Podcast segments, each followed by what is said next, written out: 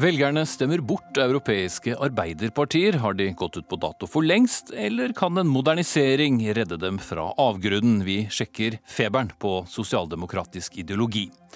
Og Norges mest nervepirrende realityshow, kanskje, stortingsvalget, er nesten ferdig opptelt. Noen ble stemt ut, og noen stemt inn. Og hvordan var det å bare nesten få gjenvalg, spør vi Venstres Sveinung Rotevatn. Og hvordan blir det å komme inn for første gang, spør vi Senterpartiets Sandra Borch. Velkommen til Politisk kvarter, eller Politisk 20 minutter, som det faktisk er, med Espen Aas. Etter at Arbeiderpartiet gjorde sitt dårligste valg i opposisjon på 90 år på mandag, føyer de seg inn i rekken av sosialdemokratiske partier i Europa som har gått på valgsmeller. I Nederland mistet Arbeiderpartiet 29 av 38 seter i valget tidligere år. I Tyskland ser sosialdemokratene ut til å tape valget enda en gang. Og i Storbritannia tapte Labour sitt tredje valg på rad, selv om oppslutningen økte. Også i våre nordiske naboland har det samme skjedd.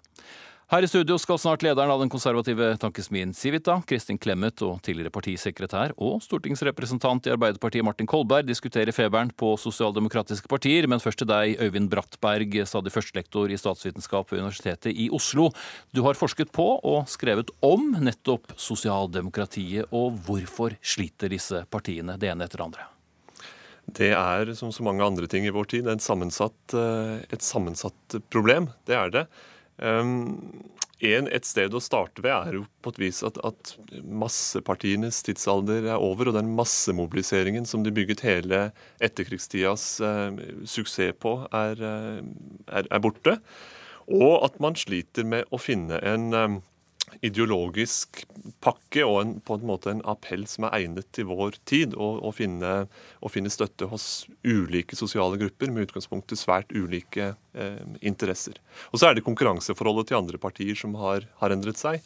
Kanskje eierskapet til eh, velferdsstaten og, og, eh, et anstendig arbeidsmarked har endret seg. Konkurranseforholdene rett og slett partiene imellom. Og så har vi også sett at identiteten har endret seg noe. På 90-tallet hadde vi jo da Tony Blairs eh, tredje vei, som han eh, forsøkte seg på. Flyttet Arbeiderpartiet inn, inn, mot sentrum. Nå har de gått eh, stikk motsatt eh, vei. I Norge så vi også Arbeiderpartiet gå inn mot høyre eh, på begynnelsen av 2000-tallet, eh, for så også å endre kurs noe igjen. Er det en leting etter en ny grunnmur? En leting etter en ny grunnmur er nok en presis diagnose. Og noen, det, er jo et blandet bilde. Ved noen, ved enkelte valg, så har jo den eh, letingen etter et, et, felles budskap, en felles mobilisering, fungert ganske bra. For Arbeiderpartiets del så vi, kan vi gå tilbake til 2005 og se hva man da evnet å, å få til.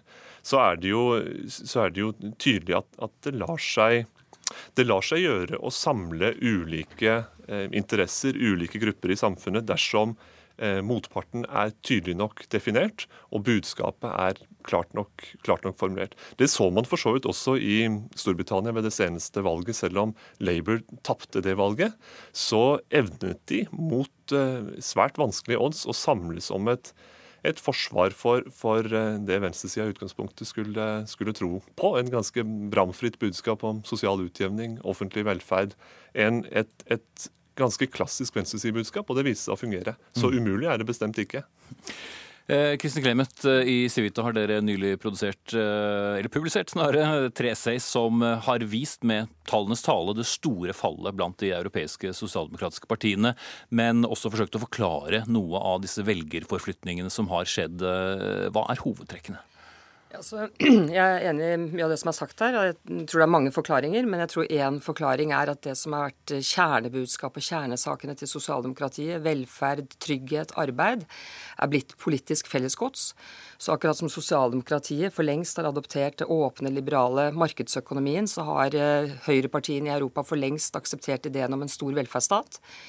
Man kan vel også si at uh, sosialdemokratiet veldig mye bygger på en industrisamfunnets logikk.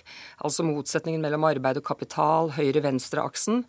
Og den er jo blitt mindre relevant. Nå er det veldig mange andre spørsmål som ikke så lett lar seg eh, plassere inn på denne aksen. Globalisering, klima, ikke minst innvandring. Og når det gjelder innvandring, så tror jeg vi kanskje ser at eh, partielitene i de sosialdemokratiske partiene har nok vært mer begeistret for innvandring enn velgerne deres har vært.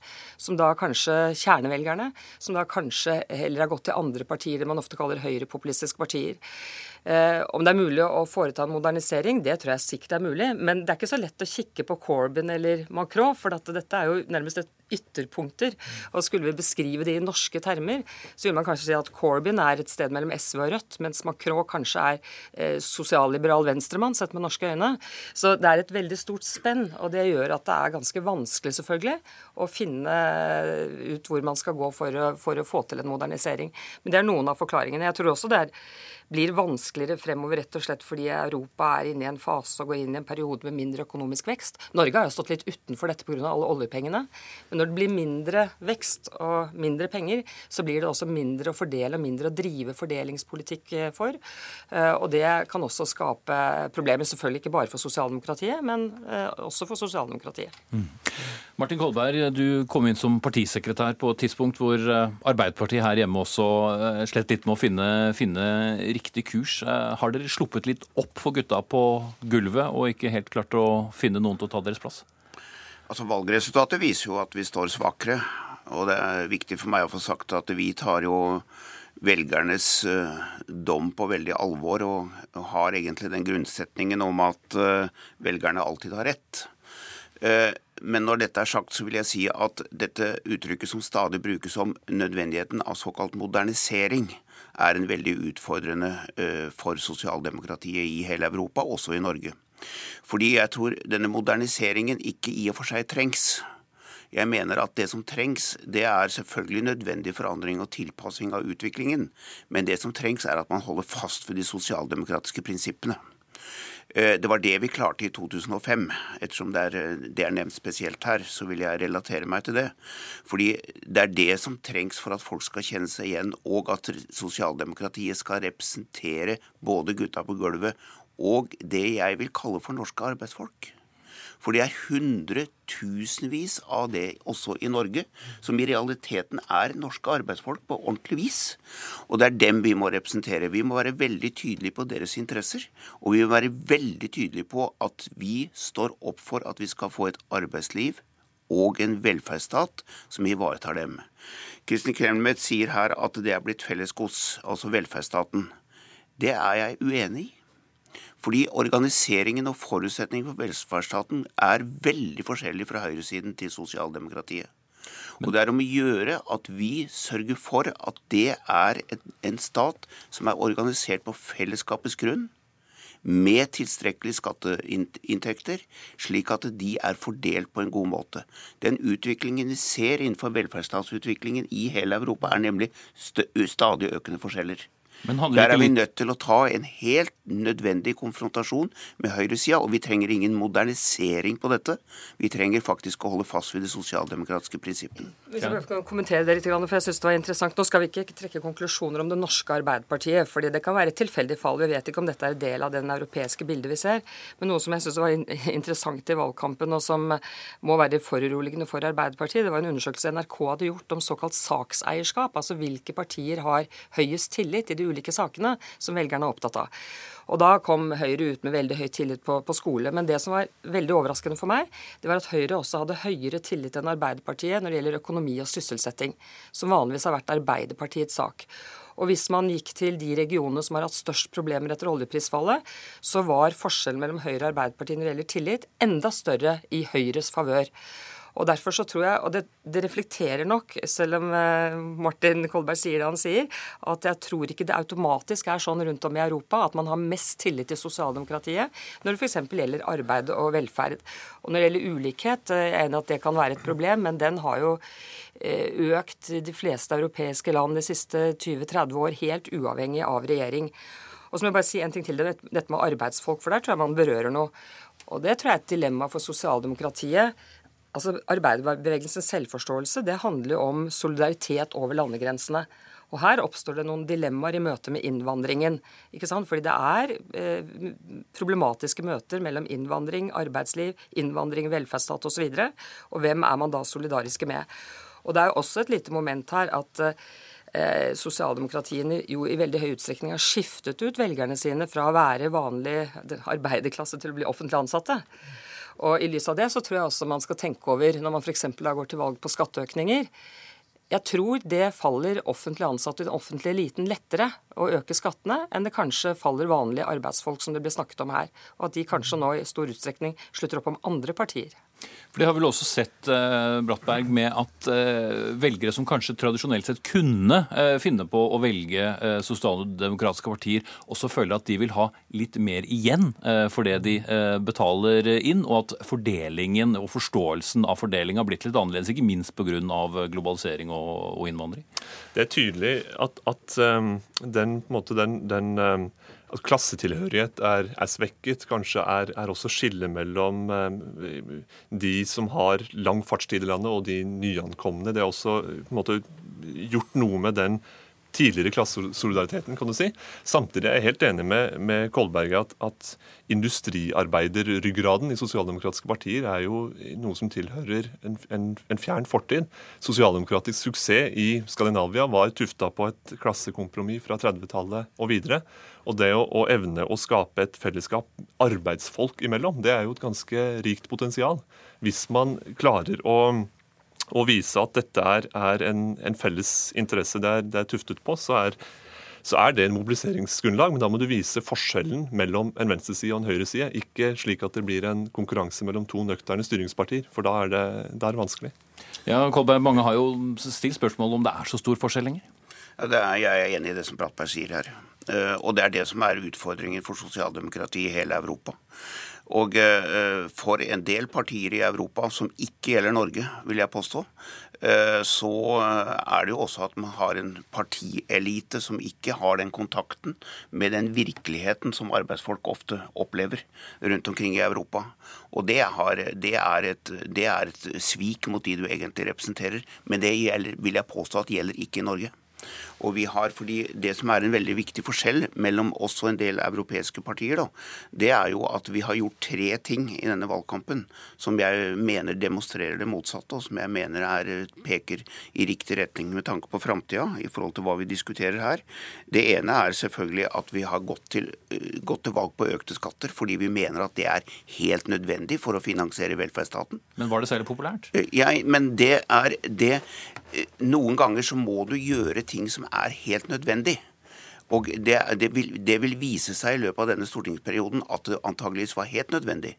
Eh, og Vi skal ikke gå inn på alle de sidene nå, men snakke om bruken av oljepenger, eh, balansen i økonomien, eventuelle kutt og alle disse tingene. Og vi trenger pengene til å håndtere de som sitter nederst ved bordet. For en av de stygge tingene som jo har skjedd under denne høyreregjeringen, er jo kuttene på alle velferdskodene for de som faktisk sitter nederst ved bordet. Der har vi markert oss veldig tydelig. Vi må komme tilbake til det. Det er det ene, ene punktet. Det andre punktet er at vi faktisk, dessverre i motsetning til det norske Høyre, har tatt kampen om den norske kulturelle utviklingen, nemlig synet på menneskene. Fordi det er det er, er, det noe som er viktig for sosialdemokratiet i hele Europa, er det jo at vi ikke begynner å få et de og vi-samfunn. At tilliten mellom menneskene ryker, og at menneskenes tillit til staten ryker. Det er helt fundamentalt. Og det tredje som jeg vil, vil, vil fremheve, det er selvfølgelig at vi helt konsekvent i, den, i denne valgkampen har støttet fagbevegelsen. Og det, Der skiller vi oss ut fra en del sosialdemokratiske partier i Europa, som gjør at vi har et helt annet ståsted. Og det er nødvendig å bygge videre på det hvis Arbeiderpartiet igjen skal bli et veldig dominerende parti. Selv om dette valget her var dårlig, jeg respekterer det, det er et valgnederlag av politisk karakter, men det er ikke på linje med hva vi har sett ellers i Europa. Og Trude Kristin Clemet har vel også tradisjonelle norske Høyre nærmet seg også fagbevegelsen. Det er slutt på at man skal diskutere sykelønn, og Høyre har vel også tidvis omtalt seg mer som et arbeiderparti enn tidligere? Altså jeg, tror, altså jeg tror ingen som tror at f.eks. det norske Høyre truer trepartsmodellen, f.eks. Eh, sykelønnsordningen tror jeg alle partier må komme tilbake til om noen år. Men bare la meg si, jeg kan ikke berøre alt det Kolberg var inne på nå, det har vi ikke tid til. Men bare la meg si at det, dette med skatteøkninger kan være at det er nødvendig i fremtiden. Men jeg tror også vanlige arbeidsfolk reagerer på at vi har verdens største eh, stat eh, verdens rikeste stat, og allikevel så tyr politikere til skatteøkninger fremfor å effektivisere offentlig sektor. Det tror jeg vanlige arbeidsfolk i privat sektor reagerer på, og det tror jeg er en av de tingene som kan skape avstand mellom eh, partieliter og vanlige folk. Vi må dessverre sette strek der. Tiden er ute. Takk skal dere ha, Kristin Clemet, Øyvind Brattberg og Martin Kolberg.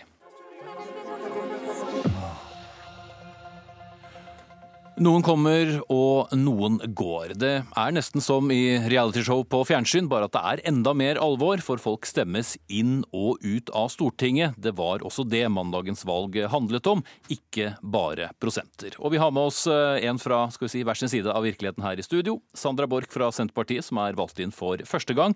Mens Sveinung Rotevatn fra Venstre, du ble belønnet med å slippe å møte på Stortinget de neste fire årene. Og kan du beskrive de siste dagene? For ennå er jo ikke alle stemmer helt talt opp. Men eh, det skal vel noe til å finne en stor sekk med venstrestemmer i Sogn og Fjordane? Det vil overraske stort. Nei, du, De siste dagene det er jo en blanding av at jeg selvfølgelig er veldig skuffa personlig, fordi jeg har jobba hardt i mange måneder og hadde et ønske om å fortsette og følte jeg hadde mer å gi.